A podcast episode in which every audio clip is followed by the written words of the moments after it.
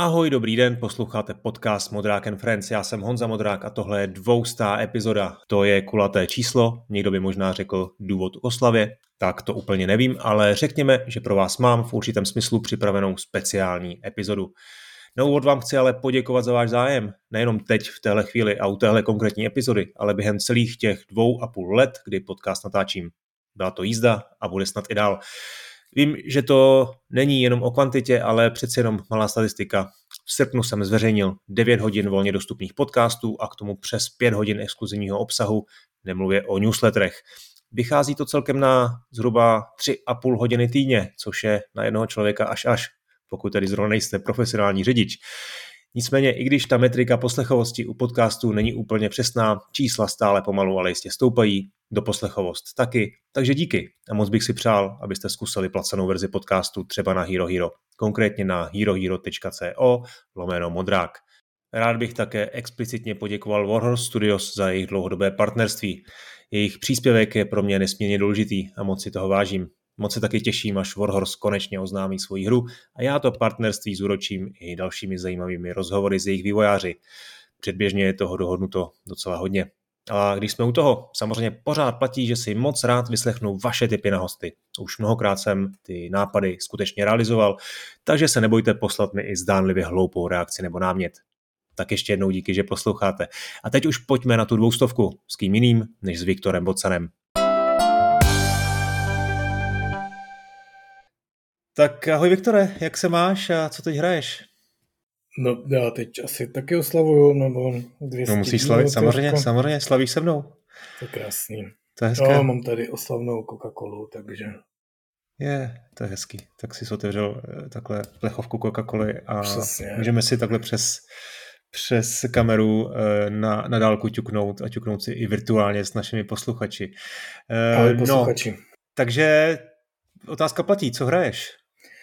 Um, se skvěle, to byla první otázka, druhá, co hraju. Hele, no, tak uh, asi očekávatelně. Hraju to právě problém. Hraju no, no, no. 3, Diablo 4 a chtěl bych hrát Armored Core 6, ale potřebuji teda hrát nějakou pětku něčeho, aby to prostě fungovalo pro, pro prostě můj perfekcionistický smysl pro detail.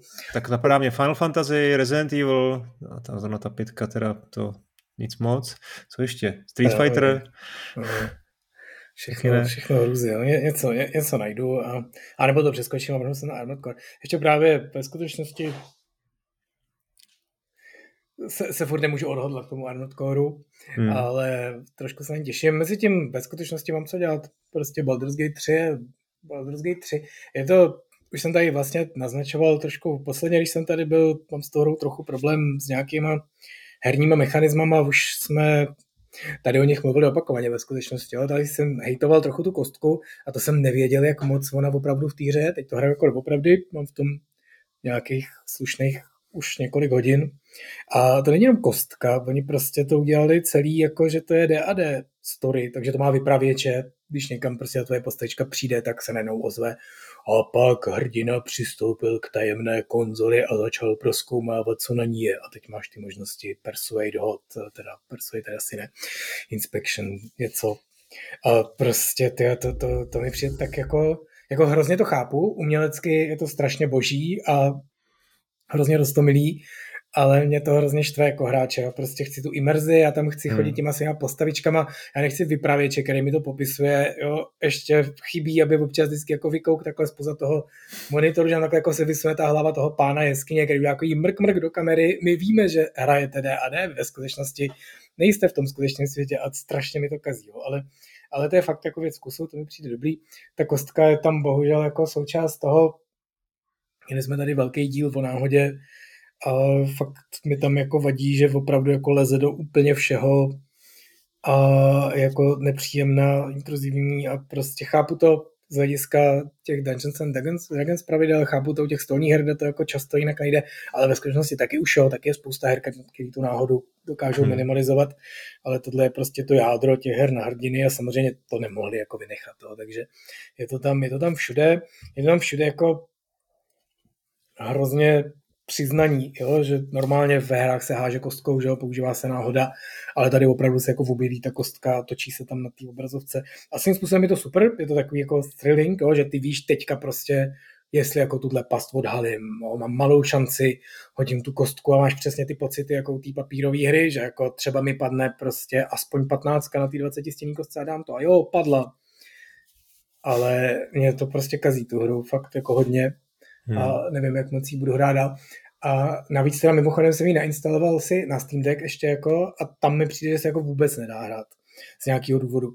Original Sins 2 jsem tam hrál asi před měsícem nebo před třema týdnama a přišlo mi to úplně skvělý, prostě ovládání ovladačem perfektní a to Baldur's Gate mi teda jako fakt nesedne a vrátil jsem se pokorně ke svému PC s myší a klávesnicí a tam jsem spokojený, takže hmm. Má nějaký aspekty. Tak to docela si stěžuješ teda na to, že vlastně si to uvedl, takže to je super hra, ale jako vlastně jsou tam věci, které ti vadí hodně a stejně to teda hraješ, jo? Ale právě no, je to... Je to prostě... ta kostka tolik, abys to Právě no, je, je, to jakoby stěžuju si, ale je to konečně zase jako jednou takový plnohodnotný pořádný RPGčko s partou, kouzlama, hmm. věcma a jak jsem tady říkal jako předtím, myslím si, že ten úspěch jakoby ne, ne, nechci říct nezasloužený, jako zasloužený určitě, prostě odvedli fakt jako dobrou práci, ale jako skřípe to na opravdu hrozně malých, drobných věcech, jakože jako, jakože tě překvapuje, že tam je takový množství jako divných chyb. Jo. Tak třeba ve skutečnosti, a věnujeme toho fakt jako dvě minuty, jo. První, první, za, za první chybu oni nemůžou. Jo? Vždycky si vyrábíš jako postavičku, tak jako moc jako nevíš, co máš dělat, tak si jako buď nějakou vybereš, já si rád samozřejmě vyrobím svojí, to asi většina lidí, tak jsem si prostě vyrobil klerika s nějakou specializací pod klásou něco, nastavil jsem si ho, první postava, který v týře potkám a kterou zachráníš a vezmeš do party, je úplně prostě jednak jedný klon toho mýho klerika. No, dokonce stejně vypadají, jenom prostě má tmavý vlasy místo světlých. Jo? Tak jsem si říkal, OK, za to jako nemůžu. Ale horší bylo, že když jsem jako vyrobil, tak jsem jako teď si jako pojmenuješ tu postavu, já si jako různě pojmenovávám postavy podle sebe a ono tam jako bylo nějaký vygenerovaný jméno, který jsem jako docela líbil, říkám si, a proč ne, jo, furt mám všude stejný postavy, prostě pojmenovaný různě nějakýma mýma jménama, jednou se prostě nechám pojmenovat tou hrou, tak jsem přijal to jejich jméno. Hele, druhá postava, kterou jsem dal a najel do party, měla tohle jméno. A teď na to koukáš a říkáš si, what the hell, to je přece absurdní, to přece nemůžou udělat, že ti jako nabídnou vygenerovaný jméno, který tam pak v týře jako se úplně normálně vyskytuje. A oni úplně s klidem. Jo, jako, takže teď hraješ a teď tam jsou takové UI věci, jako že když máš něco v baťohu, tak hrozně jako příjemně můžeš na to kliknout pravým a říct přesunout do nějaký jiný postavy. No a teď tam je jako přesunout uh, Tievel, Anarion, Anarion. A teď ty jako, a která je ta moje, a která je ten, jo, prostě takový jako věci, který ti přijde, že není možný, aby jako ve hře, která byla tři roky v Early Accessu, byly při vydání. Jo, a pak prostě takový další věci, třeba na té konzoli, jeden z důvodů, proč to bylo jako fakt špatný hrát, bylo, že jako odklikáváš dialogy Ačkem a Ačkem současně vybíráš dialogy. Jo, a to je hmm. prostě přesně v první lekci UI na straně jedna, prostě jakýkoliv učení že tohle nesmíš nikdy dělat, že jo? protože ty vidíš dialog, odklikneš, přestane tě bavit, odklikneš, odklikneš a najednou si vybral nějakou option, kterou jsi ani nepřečetl a která třeba znamená, že nějakému člověku, který ho může vzít do party, řekneš táhni odsud ty zmetku nebo tě zabijou a on odejde a už ho nikdy neuvidíš jo? a ty loaduješ. Hmm. Jo? A to prostě tyhle školácké chyby, ty tam jako jsou na hrozně moc místech a strašně mě jako ve, ve skutečnosti chtěl jsem říct mrzí, ale vlastně to nechápu. A to ale přesně, vlastně... počkej, počkej, tohle přece dva roky to bylo v Early Accessu a já jsem tohle slyšel už před dvěma lety si jako na to lidi stěžovat. tak, tak jako proč tohle neopraví? Hele, já, já si myslím, že to je, bude tím, že prostě ta hra je fakt jako děsně obrovská, nebo... No, tak hele, tohle je chyba, kterou máš za hodinu jako opravenou, ne, no změníš, no. No jasně, okay, ale, ale... Ne, ne, ne, to, ale dobrý, dnešní téma, jak se opravují chyby, okay. jak jako vznikají a tak dál. To není, já si přesně představuji, že oni o tom jako vědí, ale ty věci, když prostě vyvíjíš tu hru, mají nějakou důležitost a to, že jim prostě ta hra třeba nefungovala na Xbox Series S, má jako mnohonásobně větší důležitost, jo, a až tohle to jako opraví, tak se můžou věnovat těm banalitám, jo, hmm. že prostě, hmm. aby ti to nenabídlo jméno vygenerovaný z těch, který jako opravdu ta hra jako používá mezi hrdinama, jo? kdyby to bylo, že tam pak potkám nějaký random NPC, a to se jmenuje stejně, že jo? tak si jako zasmějou, mají databázi men, hmm. ale oni mají prostě 15 lidí, který můžeš mít v té partě a odhadem, vůbec nevím, jak to je ve skutečnosti, jo? ale nabídnou ti klidně, pojmenuj si postavičku jako člověk, který ho potkáš po 10 minutách hraní. Jo, to je prostě zase jako úplně ulítlej vák, ale řešili nějaké jako jiné věci. A druhá věc, která mě teda vyděsila trochu, že ta hra musí být jako obludně velká, protože já jsem ji smazal z toho Steam Decku a při tom mazání jsem zjistil, že jsem ušetřil 150 giga místa. A vedle mám Cyberpunk, first person prostě next gen božárnu a ten zabírá 50 giga. Jo, to znamená, Baldur's Gate zabírá třikrát tolik, jako izometrická, izometrický RPGčko z hora. Jo, takže předpokládám teda, že kromě toho ta grafika je opravdu jako vypiplaná, takže to je jako neskutečně enormně obrovský a pak jako není divu, že že prostě hmm. to obsahuje jako, jako banální chyby. No, ale ještě ta velikost to je taky taková jako banální, banální téma, podle mě vývojářský, jako, nebo respektive hráčský, že vždycky se mi líbí ty tweety, jakože někdo jako, eh, jako první přijde s informací, kolik ta která nová budoucí hra bude zabírat na disku. Tak jako rozumím do jisté míry, samozřejmě některých lidí to znamená nějaký jako management dát a že budou muset něco smazat, ale jako what the hell, to, prostě, to jsou přece jako úplně nedůležité věci. Ale to ale... je to teda něco, co můžeme někdy probrat, no, jako pro, proč jsou některé tak velký a proč jestli to je potřeba. Prostě, jako jasně, v počítači ano, ale, ale prostě pak máš přesně Steam Deck, pak si prostě koupíš nějakou další přenosnou konzoli nebo ostatně no. ten Switch a najednou je to prostě problém, že jako se ti tam ty hry vejdou tři, že jo.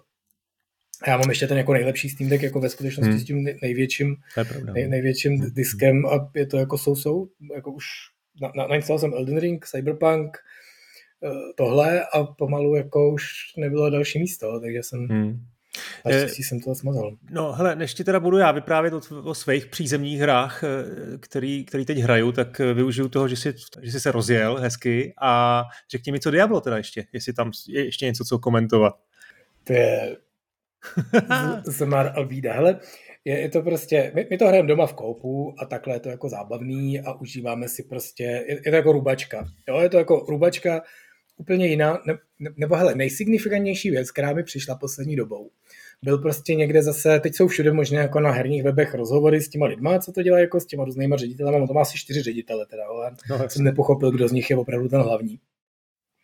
A teď jsem prostě četl na nějaký jako fanouškovský, relinkovali to na Vovhedu, což je prostě opravdu ta meka těch lidí, kteří prostě hrajou od Blizzardu a nic jiného. A nejvíc lajkovaný komentář úplně nahoru, nahoře k tomu rozhovoru byl jako, můžete se ho prosím vás někdo zeptat, jestli v Blizzardu tu hru někdo hrál, aspoň jeden člověk. A jestli jo, tak jestli se ho pak zeptali, co si o tom myslí, fakt by mě to zajímalo. Jo, a všichni mu to lajkli, protože prostě přesně tenhle dojem z toho mám. Oni prostě, představ si, že udělali hru, RPGčka, nevím právě do jaký míry už jsem tady o tom jako mluvil, jo? ale prostě interně uvnitř funguje krásně, skvěle, jsou tam prostě někde fakt šikovní designéři, kteří vymysleli ty schopnosti, ty věci, jak to na sebe navazuje, jak se to jako spojuje, to bylo jako dobrý. A někde nahoře jsou nějaký jako hlavouni, který to jako někam řídějí a řídějí to prostě do absolutních pekel. A to peklo hlavní, který jako podle mě to, to je to, jako v čem se úplně míme a mě by fakt zajímalo, ať nám někdo napíše někam, tyjo, prostě, jestli, jestli jsou lidi, kteří se to ne, neminou. To není jako můj případ, jo? My jsme měli prostě nějaký klan, tam bylo asi 10 lidí a už tam nikdo není. Protože oni prostě fakt udělali tu věc s těma sezónama. To znamená, měsíc po startu ti jako smažou postavičku. Oni ve skutečnosti nesmažou, jo? ale už ani nebudeš jako hrát. A založí sezónu, která bude prostě do půlky října a to, co ty děláš v tom Diablu je, ty si prostě vyrobíš postavu, teď si ní jako hraješ, teď ji jako různě vylepšuješ, teď ji jako sbíráš ten gír, teď jako nabíráš ty lepší schopnosti, to je všechno fakt dobře jako vyrobený. Všechno s vědomím, že v říjnu ti smažou.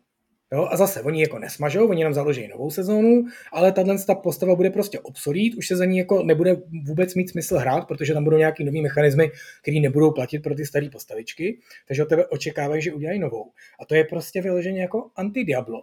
Jo? Já třeba prostě takhle večer už mám jako ty svojí postavičky docela třeba dost a říkám si, možná bych se zahrál za nějakou jinou. A pak mi dojde, že to jako do října nestihnu, že do října ji pořádně ani jako nerozvinu. A to jako, to není, že to hraju casual hodinu týdně, jo? prostě to fakt, prostě tomu dám týdně třeba 8-10 hodin.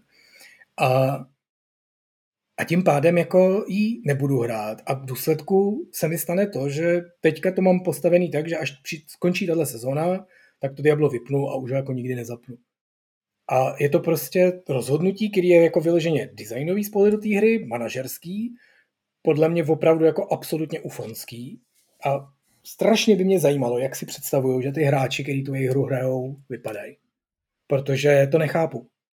Jo, protože přesně tomuhle člověku, který řekl, jestli to někdo od něj hraje, co to jako za blbost, tak tam jako oponoval nějaký fanoušek, jako co se ti nelíbí, mě se to, mě to strašně baví a tak dále. A on říká, a ti v říjnu smažou tu postavičku. Říká, no do října máš spoustu času, to přece dohraješ na maximum a všechno vytěžíš a je to dobrý.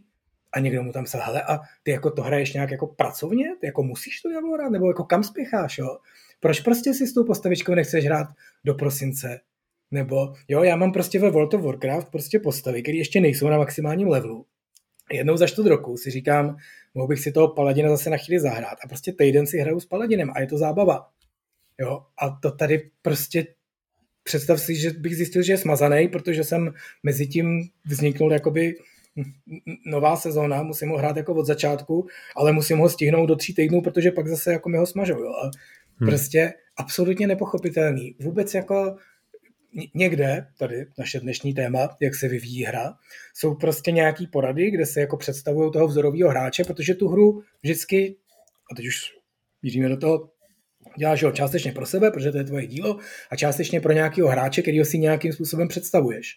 Jo, prostě my, když děláme Kingdom Come, to bylo, dělali jsme kdysi, tak jsme si prostě představili toho hráče a říkali jsme si, musí mít rád RPGčka, nesmí být moc měkký, protože chceme dělat jako trochu tvrdou hru, musí ho trochu zajímat ta historie, jo, a takovýho jako člověka si modeluješ a teď jako si řekneš, jak moc mají třeba prostě být realistický ty dialogy, jestli opravdu ty lidi mají mluvit jako středověce ve smyslu, v tom kontextu toho, že třeba to náboženství tam hraje důležitou roli, důležitější než dneska a tak dál, nebo do jaký míry to může být anachronický, že prostě tam budou cool lidi a budou tam prostě se bavit jako vtipně a nadávat prostě zábavně a tak dál. A řekneš si, ne, jako ty, my, my si představujeme, že lidi, kteří to budou hrát, mají aspoň trošku rádi historii, takže to spíš by uděláme autentický, jo, a budou prostě spíš ty lidi autentický. A to je přesně ono. A já absolutně nechápu, jak si představují toho hráče Diabla 4 v Blizzardu, kdo jako je, jestli fakt jako chodí do práce, do toho Diabla, dře a těší se prostě, až jako udělají to nový dobrodružství, jo, protože jinak si to fakt nevím představit. Jo. Sezóny a tyhle věci, že jako udělali obsolity tvoje postavy a počítali s tím, že budeš hrát jako znovu od začátku, to vlastně známe už od Diabla 2, ale vzniklo to prostě roky po tom, co si tu hru si pořídil, co oni vydali, kdy prostě ty si jako vyšťavil totálně, zkusil si všechny postavy aspoň nějak, jo, a začal se tam jako nudit, to prostě trvá mnoho a mnoho měsíců, tak oni přišli jakoby s novým kontentem, že řekli, OK, tak my uděláme tady jakou speciální věc, tady bude událost, na to si musíte vyrobit novou postavičku a máte tady nějaký speciální možnosti, které v té hře můžete dělat. A lidi si řekli, jo, jupí, už jsem se tam nudil. A tyhle ty to udělali po měsíci. Jo, a nevím, jestli prostě někde si zjistili nějak, že dneska lidi hrajou úplně jinak a za měsíc už jako všechny hry zahazujou a oni je musí jako takhle občerstvovat, nebo, nebo jak to přesně funguje, ale ty fanoušci, ty pravověrní Diablo fanoušci na těch prostě Blizzard stránkách, ty jako nejsou přátelský a mm. nevyjadřují podporu této, této věci a jako opravdu mám fakt chuť si podat přihlášku do Blizzardu, jenom proto, abych tam mohl prostě chodit a ptát se jako o co jde a co si jako představuje. Už to někdo hrál, jasně, a co, co na to a jestli to někdo hraje a už říkám, ne, ne, to, to, to máme zakázaný, protože my jsme nestíhali, takže jsme krančovali, takže se zakázali všechny hry a my jsme pak zjistili, že oni ti myslí i jako naše hry, takže testeři hmm. hold nehrajou Diablo 4, protože to nesmějí, ale jenom jako koukají do Excelu nebo, nebo něco hmm. takového, prostě fakt nechápu. Okay. Ale, ale, ale hele, pro, pro lidi, kteří si fakt chtějí jako zarůbat hromady potvor a jako v líbivý grafice a v, jako ve fakt pěkných herních systémech, jo? to je opravdu hmm. první třída, jako nejlepší, nejlepší možný to, jak jako dobře se ty věci kombinují mezi sebou, jak si jako jak to je jako pod čarou nebo mezi řádky, jo? že prostě máš nějakou abilitu, která nějak jako funguje a něco jako dělá a pak nějakou jinou, která dělá něco jako úplně jiného a to by jako dojde, že když si je spojíš dohromady, pustíš to jako najednou, takže vlastně to bude dělat něco jako úplně jiného a ono fakt to funguje. Jo? Takže prostě v tomhle je to opravdu jako vychytaná skvělá hra, která tady podle mě ještě nebyla, jo? jako v těchto těch hmm. Diablo klonech. To je opravdu nejlepší Diablo klon. A pak je tam nějaká general direction, která prostě nenávidí Diablo a nechce, aby to lidi hráli, podle mě. To je jako jediný logický vysvětlení je, že prostě všechny platí, nevím, někdo. Sony. Teď jsem chtěl říct Microsoft, aby jako snížil ještě cenu a to už jako není relevantní, že jo? Takže, takže asi pak fakt prostě fakt musí dělat pro Sony. Podle mě dělají pro Sony. Prostě japonská rozvědka je chytlá, řekla v rámci prostě naší nejoblíbenější IT firmy.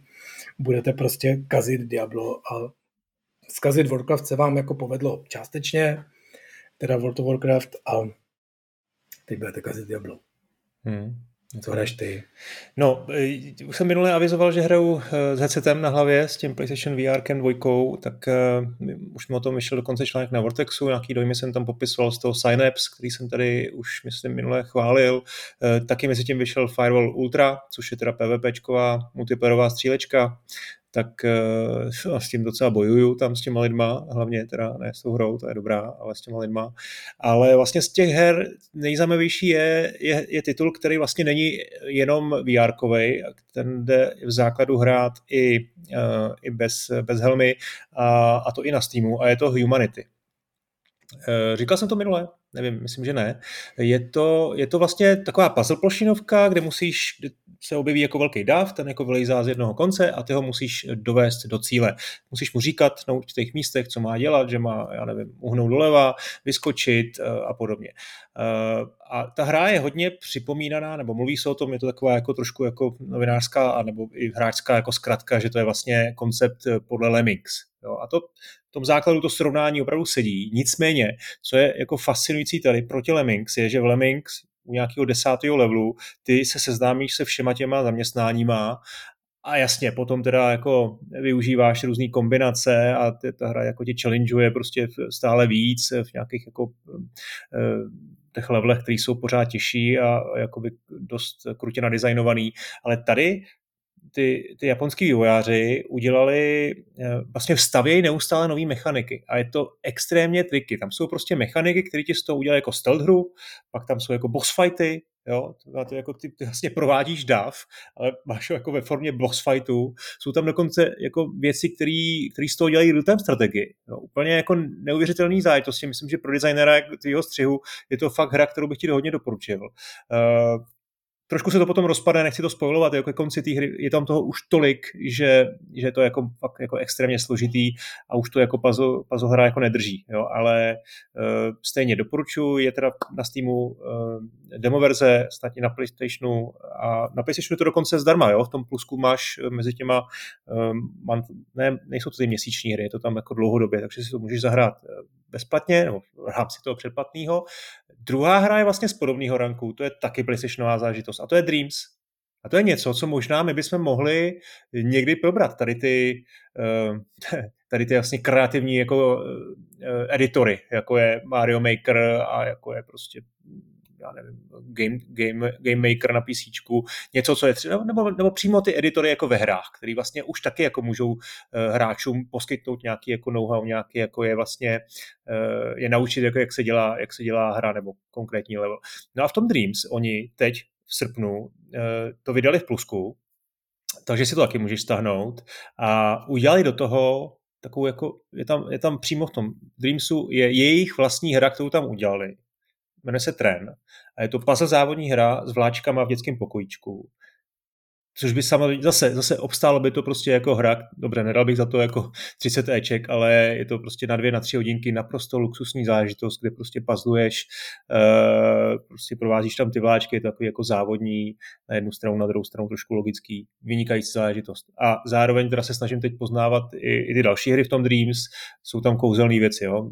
Možná říkám, někdy se k tomu třeba vrátíme, když to je takový jako leitmotiv všech podcastů, to tady říkáme každým dílu aspoň třikrát. No a třetí věc, kterou bych chtěl zmínit, je Making of Karateka. Tak to je téma, který jsem, kterému jsem teď věnoval, uh, kterému jsem se teď věnoval ve vidcastu Vortexu, tak to tady nechci úplně celý rozepisovat, jenom nebo roz, rozpovídat, ale uh, jenom stručně, je to vlastně interaktivní dokument, který si můžete koupit na, na všech konzolích i na Steamu a tam se dozvíte v nějaké jako roadmapě, máte tam textové informace, Mechnerovi jako zápisky, náčrtky a rozhovory s lidma. Jo. A je to úplně úžasný jednak v tom, jako, mu, jako, jako úžasnou roli v tom vývoji karateky eh, měl jeho tatínek, který tam je s ním rozhovor, dneska mu je asi zhruba 90 něco let, 92 let prostě. Pořád má celkem jako dobře, jako pořád jako mluví celkem jako bystře a má dobrou paměť a vzpomíná tam, s jakýma věcma vlastně tomu synovi jako pomáhal. Jo? Mu prostě skládal hudbu, natáčeli spolu tu, tu rotoskopy, jo? on tam běhal prostě po lese v kimonu, natáčeli ty pohyby, je to úplně fascinující. Ale na co se tě chci zeptat je, jestli jsi někdy psal, nebo si třeba píšeš jako deníček. Co asi píšeš jako do, ty, do, do jíry, že jo, se tam píšete prostě, co máte dělat, ale že jestli jsi viděl ty deníky, co si psal Mechner eh, k, k, o Princovi potom a o té karatece, to jsou jako fascinující věci, kde vlastně máš jako den pod ní zaznamenaný, jak eh, nad jakýma věcma kreativně přemýšlel, jaký měl problémy prostě třeba s publisherem a podobně. A je to jako strašně do detailu a je prostě hrozná škoda, že tohle nedělá jako víc vývojářů. To je fascinující příklad. Já jsem viděl ty deníky, jako ty jsou docela, docela známý. Hele, to si myslím, že já nevím, jak moc ty si to pamatuješ, malinko mladší, ale prostě v osmdesátkách to bylo hrozný, hro, hrozná moda, že si všichni píšou deník. Jo, jako, ale to byla Aha, velká moda v 19. století, dráho. Jo, ale to pak jako přešlo, ale co já si pamatuju, když jsem prostě byl děcko, tak opravdu si lidi vedli deník a když si u toho jako dělal hru, tak si psal do deníku, co děláš za hru. No, já jsem si deník nikdy nevedl, to je škoda. Myslím, že asi šestkrát jsem ho založil a nikdy jsem do něj nic nenapsal.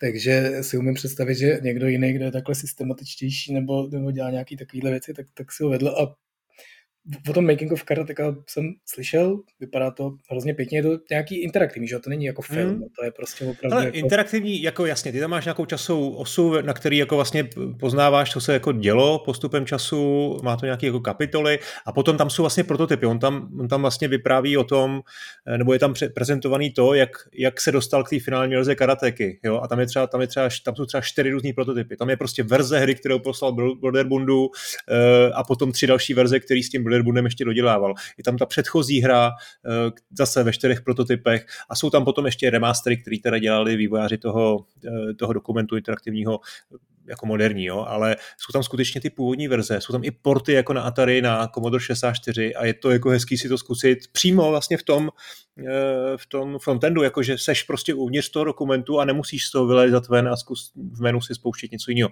Přímo v tom prostě zmašneš play a jednoduše si to tam zahraješ jakýkoliv, jakoukoliv variantu verzi té hry. No. Krásně. Hele, k aktualitám ty asi dneska přeskočíme, ale chci se tě zeptat ještě vlastně trošku navázat na to, co jsi říkal o Blizzardu, o Diablu. E, zaznamenal jsem ty e, Hardcore Ramsey, jestli jsi to zkoušel, e, do Vovka, nový, se směješ. Tak ale... jsem docela překvapený, že jsi o tom nemluvil někdy. No to je novinka teďka. Jsi no. cílovka, ne? Jako cílovka, hele, to je prostě, já si myslím, že to je trošku jako součást toho zoufalství toho Blizzardu, jo, že zkouší nějaký marketing, ale vlastně vlastně je to pěkný, jo? To je, to je přesně to, co měli dělat s tím Diablem, jo? World of no. Warcraft je prostě starý 100 let, World of Warcraft Classic už je taky starý prostě 50 let, tak do toho vymýšlejí nové věci. A oni už tam dřív měli takový prostě pseudo-hardcore mod, který fungoval tak jako lightly, už jsme tady o tom myslím mluvili, ty jsi to prostě hrál a nesměl si umřít, když si umřel, na začátku hry prostě si řekl, já jsem drsný charakter a dostal si takový buff, který ukazoval, tenhle charakter je drsný. A když si umřel, tak si o ten buff přišel. Hmm. Takže kdo prostě na 60 šel do raidu a měl tenhle buff, tak se před ním všichni klaněli, prostě neuvěřitelný výkon. No a teď jako ten další logický krok je, že prostě udělali opravdu jako hardcore mod, takže když umřeš, tak jdeš pryč, postava se smaže. Hmm. A mně to přišlo vlastně takový pitomý, taky jako marketingový tah, spíš jako teď prostě, nebo takhle, jo, ta dikce kolem toho mi přijde taková jako otravná, jo my víme, kdo jsme, my, který pořád ještě hrajeme World of Warcraft Classic, jo. my nepotřebujeme hmm. motivační keci, jako tak co, jste drsný, pojďte ukázat, jak moc jste drsný. No nicméně to doma hrajeme samozřejmě, to... je jako cool. A ten proces té hry je boží. Ale pobavilo mě ve skutečnosti úplně nejvíc, že musíš na začátku odkliknout, že jako souhlasíš, že víš, že jako ta postava umře a normálně oni tam fakt jako seriózně, protože mě jedna z těch jako předtím, těch hardcore postav, to polo hardcore, umřela prostě chybou hry. Jo, to je prostě známá chyba hry v jednom hlavním městě, Undercity je jako vejtah, protože to je pod, podzemní město a ty se do něj dostáváš vejtahem. A vždycky prostě jednou, každému se to někdy jednou stalo, někomu víckrát, tak hmm. prostě občas se ti stane, že tím vejtahem nějak, jako že se tam špatně skolidujou ty věci mezi sebou, propadneš tím vejtahem, vypadneš ze světa, umřeš.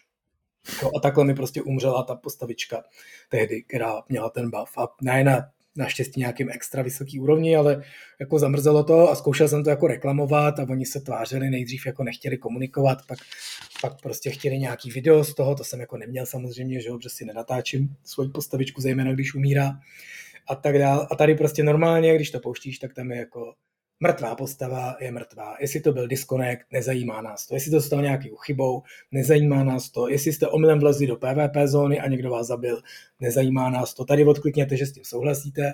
Jo, a že fakt jako opravdu si umyli ruce, že to, protože samozřejmě, když jsem mluvil o tom Diablu, tam prostě na začátku klasicky byly technický zádrhele a spousta lidí, protože v tom Diablu je vodek živa, že hardcore mod, tak tam prostě hejtovalo, že umřeli prostě kvůli disconnectům, prostě se jim odpojí postavička, připojí mm. se zpátky, ona je mrtvá a byl to hardcore charakter, takže může být od začátku a Blizzard se prostě bránil, že jim je nebude vracet, že za to nemůže. Což je taky jako zajímavý a zase už dnešnímu tématu, jak jako přistupovat k nějakým problémům. Jo, on by samozřejmě Blizzard mohl jako vidět, že ta postavička se disconnectla, umřela, když tam ten hráč nebyl a, a vrátit jí Jenže jak jako rozlišíš člověka, který viděl, že jde do tujího, že ho prostě teďka zabijou, tak rychle zmáš na Alt F4. Jo, tím jako vypne tu hru, nebo ji odpálí z task manageru. Jo, prostě to jde dneska i na konzolích, že jo, můžeš prostě tu hru odpálit zvenku, uděláš si jako rychlej chmat, anebo prostě vytáhneš rychle síťový kabel. Jo, vytáhneš síťový kabel, konzole se odpojí, ty jako umřeš, tak jak jako máš, a pak říkáš, to byl disconnect, to je někde u vás, vraťte mi postavičku a oni jako tí vrátějí nebo nevrátějí právě. Jo, takže a třeba právě v tom Blizzardu opravdu už jako dřív se prostě rozhodli, že jsou spíš jako restriktivní a specificky to je u toho Diabla 4 vlastně taky jakoby hodně vidět v nějakých věcech. Oni fakt jako měnili nějaký herní mechanismy trošku. Taková blbost třeba, že jako z dungeonu se dostaneš pryč teleportem a oni jako prodloužili dobu toho castění toho teleportu protože jakoby zjistili, že nějaký lidi z toho dungeonu jako utíkají, když prostě přesně mají hardcore postavičku, je tam jako velká přesila, tak místo, aby s ní jako bojovali nebo něco, tak utečou za roh a tam zakástějí tenhle teleport a jako utečou. A vlastně v Blizzardu tím jako všem hráčům znepříjemnili život, protože místo prostě, aby si dvě sekundy se kástil ven, tak to kástíš jako pět sekund a u toho prostě koukáš na tu postavičku, jak jako se nějak animuje a nudíš se tak vlastně jako všem rozbili hru kvůli tomu, že někdo mohl jako zneužívat tady tyhle funkčnosti. Hmm. Jo, a to je prostě teďka součást toho, proč je ta hra podle mě blbá, jako v některých aspektech tohohle z toho typu právě, je, že se soustředějí na tyhle ty jako drobnosti, které by to eventuálně mohly jako pokazit a radši jako to skazej trochu všem, aby jako hmm. znemožnili tuhle, tuhle, tuhle část. Jo. A to je ve skutečnosti jako fakt seriózní designová otázka, jak k tomu tomu přistupovat, že to jako nemá správný řešení, jo? že opravdu to je takový, už jsme tady o tom trošku jako mluvili, co jsou exploity, to už můžeme se tady rozkecávat, že jsme k tématu, jo? co jsou exploity, jak jim jako bránit a jak se k ním jakoby chovat, když je prostě exploit fakt jako hrozně jednoduchý, tak je prostě dobrý, aby v té hře nebyl. A teď prostě, když to znamená, že omezíš nějakou funkčnost pro lidi, kteří neexploitujou, tak jsi jakoby na těch, těch různých vážkách, kdy jako přemýšlíš o tom, jestli jako ta oprava před tím exploitem za to stojí, anebo to budeš ignorovat. Hmm. To je prostě jedna z těch tisíců otázek, který přesně, který si kladli i ty autoři těch Baldur's Gate, takže některé věci tam jsou jako blbě a hodně si kladli v tom Diablu, že jsou některé věci prostě hloupě, proto, aby je nemohl někdo nějakým způsobem zneužít. Hmm. A takže, takže teď ale v novém World of Warcraft se jistěji řeknou, že je to všechno tvoje vina, prostě jestli si spadl z Vejtahu v Undercity, tak co lezeš do Undercity. Já jsem si vyrobil jinou postavičku, která do toho města nikdy nepůjde, teda, jo, ale, ale prostě eh, přišlo mi to jako zábavný, že opravdu normálně jak na začátku že každého softwaru odklikáváš eulu, tady není eula, tady je prostě warning a ten musíš fakt si jako přečíst, odskrolovat až dolů a dát, že to akceptuješ, čím se samozřejmě současně brání před tím, až prostě takhle přesně hra tě zabije omylem, protože spadneš z kamene a nějak špatně se spočítá full damage, ono tě to zabije, ty uděláš tiket a oni ti řeknou, ty jsi umřel, tiket nás nezajímá, hmm. jo, vytapetuj si ho, vytiskni si ho, dej si ho na zeď, to je tak jediný, co s ním můžeš dělat, podkrkl si, že ti to, že ti to nevadí. Takže to mě na tom jako pobavilo, ale hele, ta atmosféra, jo, pokud jste někdo hráli starý World of Warcraft, máte ho ještě jako zažitej, tak ten hardcore je samozřejmě prostě, je to mírně nepříjemný, ale hrozně dobrý. Hmm. Eh, mě v té souvislosti vlastně napadlo, jestli, není, uh, jestli by nešlo oživit Ultima Online, protože taky mám pocit, že o tom Richard Garriott před pár měsícema někde mluvil, uh, že jako vlastně o tom přemýšlí, že by se to udělalo znova, že by to bylo samozřejmě jako těžce hardcore. A to by si, to by si zahrál? Nebo to už Hele, jako já ne. too much? Jako. A zajímalo by mě právě přesně, no, to je ještě jako o generaci starší věc, která my jako furt se tady přesně, a už jsme tady o tom taky jako na to několikrát narazili, jo?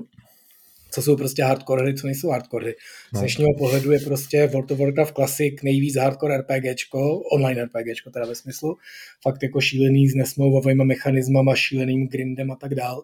A ve své době to lidi hejtovali, že to je prostě hmm. casual věc pro pitomce, že nemusíš vůbec znát hry a tady tu jako můžeš hrát. Jo. A, a přesně, jo, bylo to o čtyři levely pod Ultimou Online v její hardkorovitosti, kde prostě si, nebo nejenom Ultima Online, celá ta generace, nejenom ta první, ta Ultima Online je opravdu jako jedna z těch prvních generací, jo, předtím byl nějaký Meridian 59, takový no. byly spíš jako pokusy, ale pak byla prostě Ultima, pak jako vyš, přišla ta další generace, což byly prostě různý ty Assurance Call a EverQuest a tak dál. A, a to už vlastně u spousty z nich prostě platilo třeba to, že ty si opravdu na té svý postavičce grindil jak magor, vyrobil si prostě nějaký ten luxusní meč, což prostě tě stálo tisíc hodin, pak to jako měl, pak tě někde zabila potvora, ta tvoje mrtvá tam upadla, ten meč vedle ní, někdo šel okolo, říká hezký meč a odnes si ho. Jo, a ty si mohl strávit dalších tisíc hodin znovu vyráběním toho meče. Jo, to prostě spousta těchto starých her jako měla, a to si myslím, že je absolutně neskousnutelný dneska. No, ale pro koho, jako, no? Myslím, že Kuba Červinka to pořád hraje, ne? Že jsou ale ty jako, EverQuesty, jako ty servery jsou, asi tam prostě nebudou úplně sta tisíce lidí, ale prostě svůj, svůj cílovku si to najde. No, zrovna EverQuest právě byl jakoby první z těch, který jako říkal, pojďme to dát do mainstreamu, jo? taky byl první, který prostě jo. prodal opravdu nějaký jako dobrý, dobrý počty kopií, jo? A, a, byl jako velký hit, ale právě protože většinu těchto z těch jako mechanismů zjemně. Hmm. Ale zase, jo, EverQuest 1 prostě ve své době byl prostě ultra limonáda, casual, casual věc a z dnešního pohledu je to víc hardcore než World of Warcraft Classic samozřejmě, protože to prostě zase po generaci později ten vycházel s EverQuestem 2, hmm. který byl jako hodně zjemněný. Takže přesně EverQuest 1 je jakoby drsnější vodost, ale zase to ve své době byl vlastně jako mainstream, triviální, casual, casual zábava a proti těm opravdu jako drsňárnám typu přesně ta Ultima Online se jako s, tě, s, tě, s tím vlastně nedokáže srovnávat. No, tak mě by to zajímalo. Já určitě já určitě uh, Ultimu, jo, určitě no. To, já, já, jsem ve skutečnosti před měsícem říkal, že určitě nebudu hrát ten World of Warcraft uh, hard mod, nebo hardcore, a už, už jsem teda level 16. Nebo, tak u té Ultimy je třeba říct, že to je, že to je jako fikce, že ty práva vlastní Electronic Arts a tohle je jenom něco, já nevím, jestli to Gary říkal v nějakém rozhovoru nebo o tom tweetoval, ale uh, asi to je jako spíš jako nerealizovatelný, takže takže to se nestane. Ale kdyby, tak si to myslím, že to už zahraješ, jak tě znám. No hele, pojďme tedy k tomu našemu tématu. Já to rovnou hodím na tebe, protože to je téma, který si vymyslel ty. Eh, přemýšleli jsme nad něčím nosnějším u příležitosti té dvousté epizody eh, a vymysleli jsme, nebo vymyslel si, eh, že bychom natočili takový jako ucelenější podcast o tom, jak se dělá hra. No. My se tady jako vlastně těm tématům designerským a vývojářským průběžně věnujeme. Eh, spoustu epizod tomu vlastně bylo, bylo, bylo jako věnováno konkrétním věcem, prototypování a tedy, ale zkusili, nebo rozhodli jsme se to zkusíme trošku vlastně stlačit do jedné epizody. A já jsem teda strašně zvědavý, jak, jako, jak si to jako vlastně může povést, protože si nejsem úplně jistý, to zvládneme do nějaký hodina a půl uh, celý stlačit, tak možná, že to dopadne úplně jinak. Uh, Právě. A hlavně Ale... jako hra a hra, že jo? Protože prostě můžeme se bavit o tom, jak se dělá hra, když ji dělá jeden vývojář, když ji dělá 20 vývojářů, a když ji dělá 2000 vývojářů. Přesně, no. Já, já se trochu ve skutečnosti to tady řekl, to, to, toho tématu bojím, to teď, že jsme vymysleli, to jsme tak jako brainstormovali, co by se hodilo do dvoustýho dílu. A je to vždycky tak, že my si prostě vezmeme nějaký kus tý, toho vývoje, bavili jsme se tady prostě o preprodukci, o prototypování, o nějakých, prostě ty se tady bavil o marketingu třeba s nějakýma dalšími no. lidma. A tady vlastně nám chybí nějaké jako spojení toho všeho dohromady, jak to jako funguje. Jo. Jestli to bude zajímavý pro někoho, to, to, to, to by mě teďka vlastně taky zajímalo, že? protože poslouchají nás třeba lidi, kteří nějaký hry dělají nebo si aspoň doma zkoušejí a těžko říct, jestli jim jako řekne něco nového. Jo? A já trošku doufám, že se prostě budeme bavit o těch jednotlivých aspektech a u toho si prostě budeme říkat nějaké historky, které jsme prostě u toho zažili, buď já z toho vývářského pohledu, nebo ty si, že často taky jako novinář hmm. to sledoval, bavil si se prostě s vydavatelema, jezdil si na výstavy, jo? takže pojďme prostě to takhle proletět ten proces jako, jako takovej, můžeme mu toho odkázat na nějaký starší díly, tak. Kde jsme se uh, o tom bavili, jak to nemusíme říkat znovu. Hmm. A já třeba ještě jednu vlastně věc možná, kterou, kterou upozorním hned na začátku, je, že, že se mi často stává, že jako mám pocit, nebo možná i tobě, eh, že, že máme pocit, eh, že ty věci, které říkáme, už přece každý musí jako dávno znát, že už jsme to řekli desetkrát a že to jsou prostě obecně jako známé věci, ale zase často narážím na to,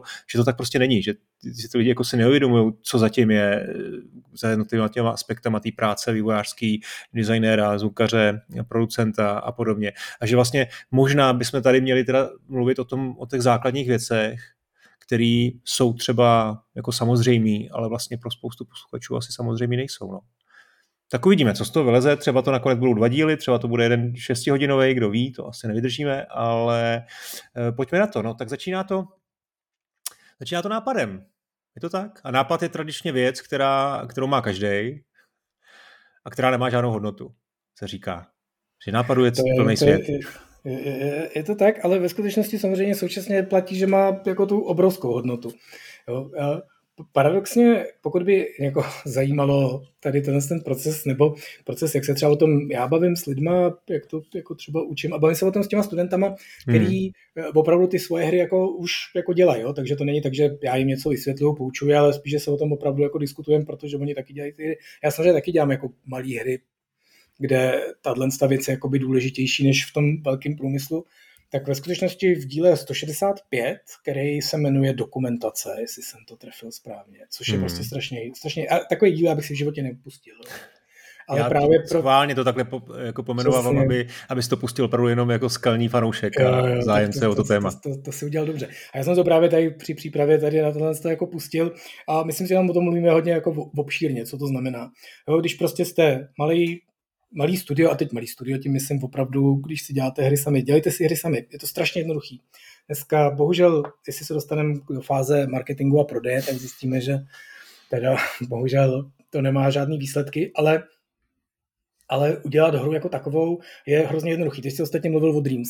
Jo, já jsem třeba měl nějaký studenty, v kterých jsme si vyprávěli jako opravdu o nějaký jako fakt jako zajímavý triky, designové věci a tak dál jak jsme jako, jak, jak se jako dělají, byli z toho nadšení a tak dál. A pak jako vlastně vylezlo, že z těch studentů, jeden z nich má teda už tři hry na Steamu, ten jako, jako funguje pěkně, hmm. to bylo jako dobrý a stejně jsme si popovídali zajímavě. A druhý přesně říkal, že dělá hry do Dreams.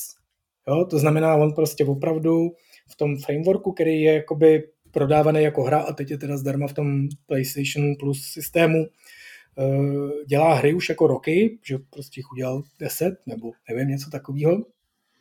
Bylo to na nějaký vysoké škole jedný malý, kde on dokonce to myslím dělal právě jako diplomku, jo, že dělá prostě hru v Dreams jako v rámci toho svého studia. A to znamená, že prostě tady jsou tyhle, ty, tyhle ty nástroje. Ten Mario Maker, o kterém jsem mluvil, je prostě další věc, kterou opravdu, pokud umíte hrát Maria a líbí se vám, tak si prostě dokážete skládat levely v Mario Makeru. No, hmm. pak jako je ten krok o trošku dál, to jsou prostě už ty opravdu frameworky jako opravdový, kde, které jsou určený pro opravdový dělání her, ale takovým tím jednoduchým způsobem, což je třeba právě ten, zapojí ten Game Maker, ale ten už je trošku složitý, ale docela hodně populární a dobrý je Construct, jo, a měl si tady už, jo, teď nevím, který to byl díl, člověka, který se tím úspěšně živí, že prostě vyrábí hry v Constructu, vyrobí tak jednu ročně, a je spokojený a ty hry vypadaly moc pěkně. Hmm. Takže uh, možnost opravdu jako dělat hru má dneska každý a k tomu přesně potřebujete ten nápad. Jo, uh, já bych tady nechtěl se opakovat to, co jsme říkali v té 165, takže pokud vás zajímá tato ta iniciální, iniciální část, tak si ji jako pustíte. Pro mě opravdu nejdůležitější část, když jakoby dělám svoji malou hru a když prostě člověk dělá svoji malou hru, tak opravdu ten, to tak zopakuju, důležitý na, na, na začátku klást si tu otázku, proč, jo? proč prostě tuhle hru děláte. Není to, ne, není důležitý říct si, co je to za hru v prvním, tom prvním přibližení, nebo jako samozřejmě spolu souvisí, jo, ale, ale jakoby ten důvod. Jo. Já prostě teďka furt ještě dělám tu svoji Kennedy Approach, to je prostě hra z 8 bitů, která byla na 8 bitami a tady moc se mi líbila, tady jsem ji ve Steam dílu jmenoval jako jedno ze svých pěti životních her, který jako mě nadchly, protože to byla možná první hra, která byla vážná, opravdová, ukazovala, že člověk může ve hrách dělat něco jiného, než přeskakovat potvory nebo střílet je. A, a tu hru bych si hrozně chtěl zahrát a dá se zahrát prostě, dá se hrát na webu, v nějakých emulátorech jsou prostě webový emulátory Commodore a tady hmm. a těchto věcí a tam se fakt ta hra jednak jedný dá jako hrát a já bych ji chtěl hrát na mobilu. A asi by to šlo rozchodit, nebo asi by fungoval ten emulátor i jako na mobilu v tom browseru, ale je to samozřejmě oprus a chci tam něco víc. Takže prostě pro mě důvod, proč chci dělat tuhle tu hru a už jsem strávil jeden víkend a myslím, že za druhý víkend ji udělám, jenom ten víkend potřebuji mít volný tak eh, to je prostě regulární důvod, proč udělat takovouhle hru, protože si ji prostě chci zahrát. Jo? Nebo důvod, že to je taky provalený, už jsme tady taky mluvili, proč vzniknul Warcraft úplně původní, protože prostě v Duně chyběl multiplayer. Jo, fakt jako v tom Blizzardu kde seděli, říkali Duna 2, to je dokonalá hra, real strategie, to prostě ten Westwood jako vychytal, proč to kruci nemá multiplayer, pojďme uděláme verzi s multiplayerem, jo, a hmm. aby to nebylo trapný, tak to dali jako do fantazy. A takhle vzniknul prostě Warcraft, jo. A totiž důležitý právě je, proč to jako takhle obšírně opakuju, že potom v tom dalším vývoji je hrozně důležitý si tyhle otázky otázky klást dál a proč to tak jako říkám znovu je, že jsem strašně to vidím kolem sebe, teď nemyslím jako čistě Warhorse, myslím prostě obecně vývářskou scénu, lidi, kteří dělají hry, že si strašně málo tu otázku proč kladou. Jo? Ne, nejde samozřejmě, když už začnu dělat hru středověký RPG, tak už si jako neptám proč. Jo? To jsem se ptal na začátku, přesně. Proč? Protože prostě všechny RPG mají draky a je zajímavý udělat nějaký, který jako nemá, jo? tak to je jako dobrý. A díky tomu může být trošku víc takový jako při zemi, jako drsnější, opravdovější. To je prostě jako dobrý důvod. Ale pak je právě dobrý se ptát jako u každý té herní feature. Jo? To už jsem tady myslím taky trošku jednou říkal, že třeba jsme zvažovali do Kingdom Come crafting, takový ten klasický inventářový. Jo? Sebral jsem v lese klacík, sebral jsem prostě, zastřelil jsem ptáka, vylutoval jsem z něj pírko, mohl bych si v inventáři jako udělat šíp. Jo, a teď to zní jako něco, co je prostě jako vlastně dobrá věc, pojďme jako do toho, a pak jako, ale dobrá věc je to primárně proto, že to přece v RPGčkách bývá. Jo, každý RPGčko má nějaký crafting. Každý RPGčko má nějakou alchymii, jo? tak my jsme prostě udělali alchymii jako minihru, kde opravdu jako mícháš ty lektvary, to nám jako by přišlo cool.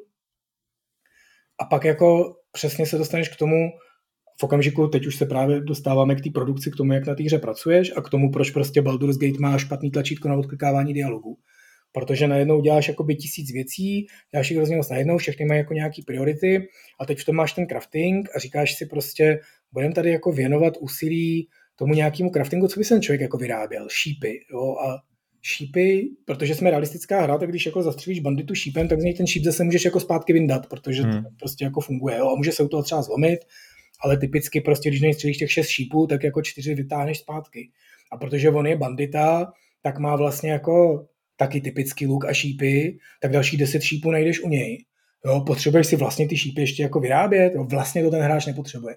A v ten okamžik, kdy prostě takhle jako si schvaluješ, anebo právě škrtáš featurey, tak uh, tahle ta otázka, jako proč to v té hře je, je ta jedna strana mince a ta druhá je, nebo a, a to, ta současně jako by odpovídá na to, co to tomu hráči přinese, jak moc je to jako dobrý a tak dál.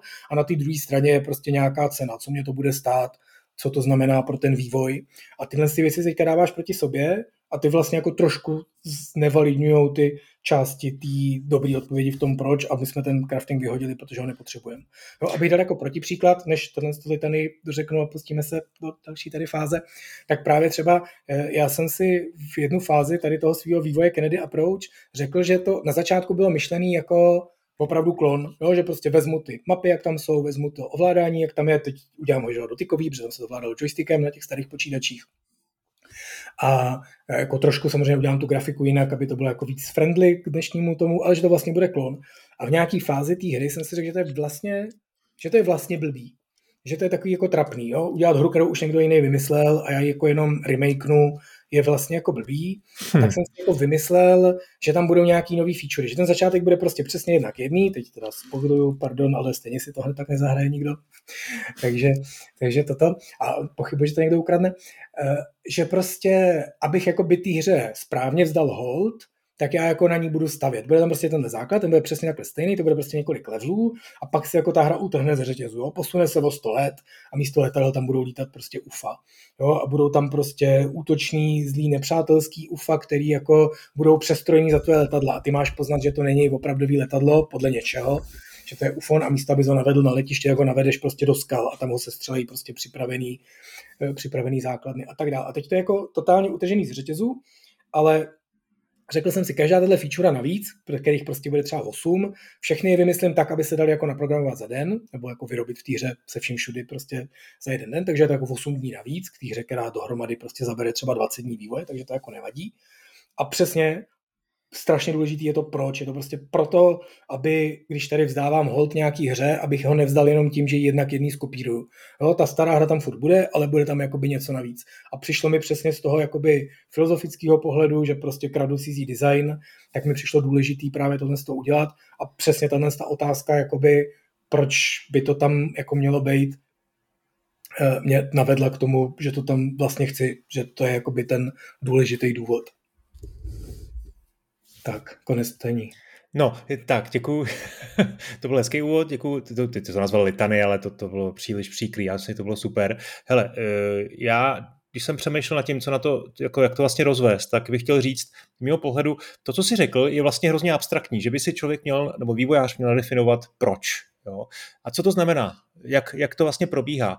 Když to vztáhnu konkrétně třeba na ten příklad té karateky, kde Jordan Mechner eh, si psal deníček, tak on si skutečně v jednu chvíli udělal jednak eh, plán toho vývoje, jak by si tu hru představoval, tomu předcházely diskuze třeba s tím otcem nebo, nebo s jeho mladším bratrem a podobně, možná s dalšíma lidma.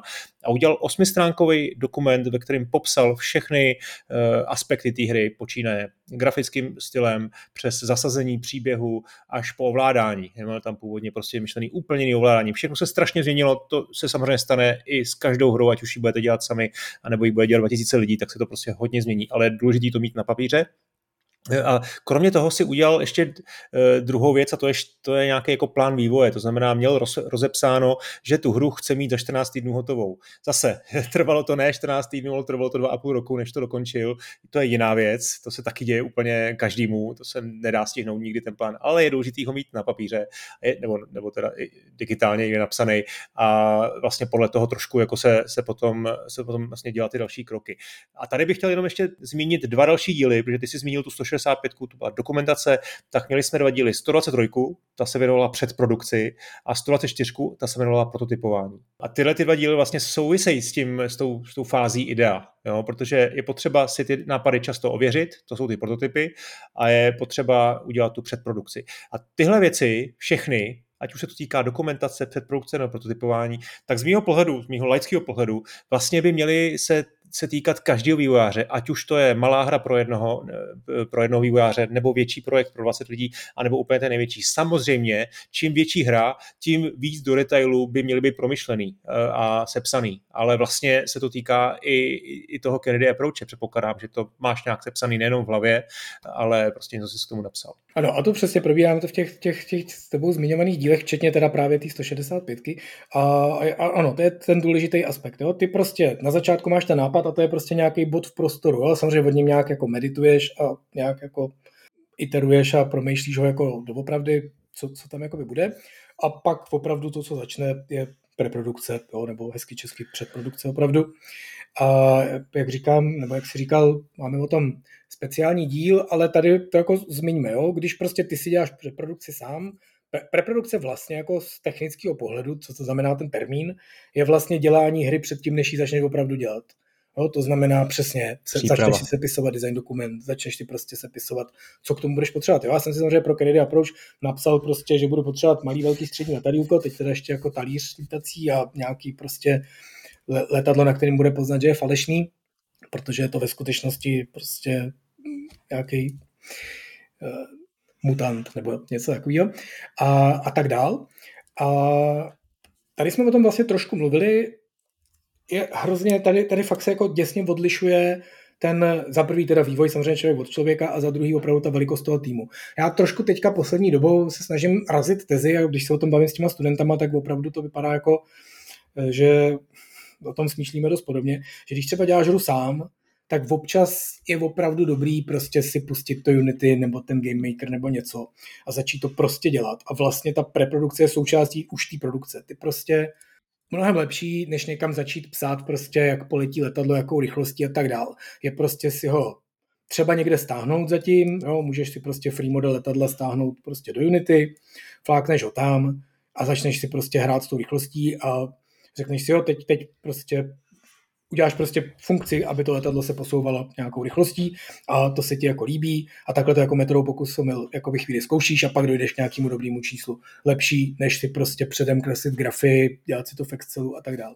To samozřejmě v tom velkém studiu, nebo už středně velkým, by příliš nejde, protože tu hru neděláš jenom ty, ale spousta dalších lidí, kteří od tebe potřebují nějaký input, nějaký data a nějakou, nějaký zadání.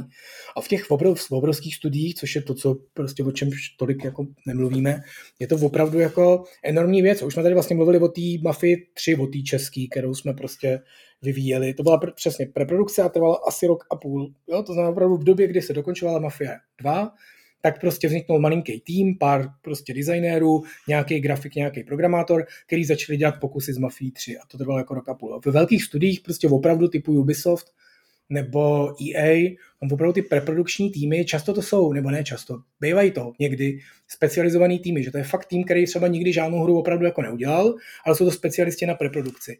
Ty prostě přijde jim někdo z hora, řekne, hele, máme tady nápad, ten nápad prostě máme, ten pochází ne jako z uměleckého cítění, ale prostě tady hlavou mě to vymysleli, máme na to marketingový data, je to prostě zajímavý, už jsme dlouho neměli Far Cry, uděláme novej a někdo měl prostě nápad, že to bude z pravěku, jo, to vzniklo, že jo, Far Cry Primal, tak prostě to je jako docela cool, tak to dají to, tomu preprodukčnímu týmu, teď bacha, jo, nechci říct, že přesně takhle to tady probíhalo, jo, zrovna v tomhle konkrétním příkladě, jo, to je to pří, příklad.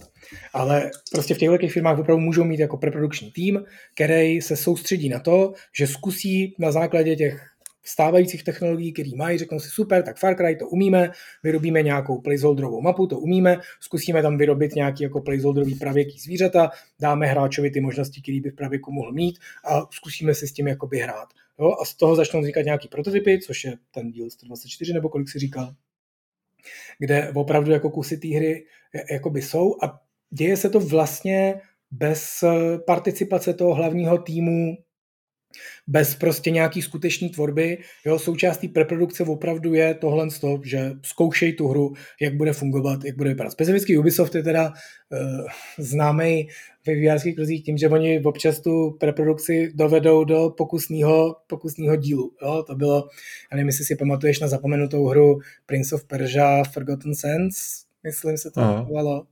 To byl jako propadák a to bylo, že prostě zkusili jako oživit Prince of Persia značku a zkusej si prostě takovou jako lehkou hru a kdyby se to náhodou chytlo, tak prostě rozjedou novou sérii. Nechytlo se, nevyšlo.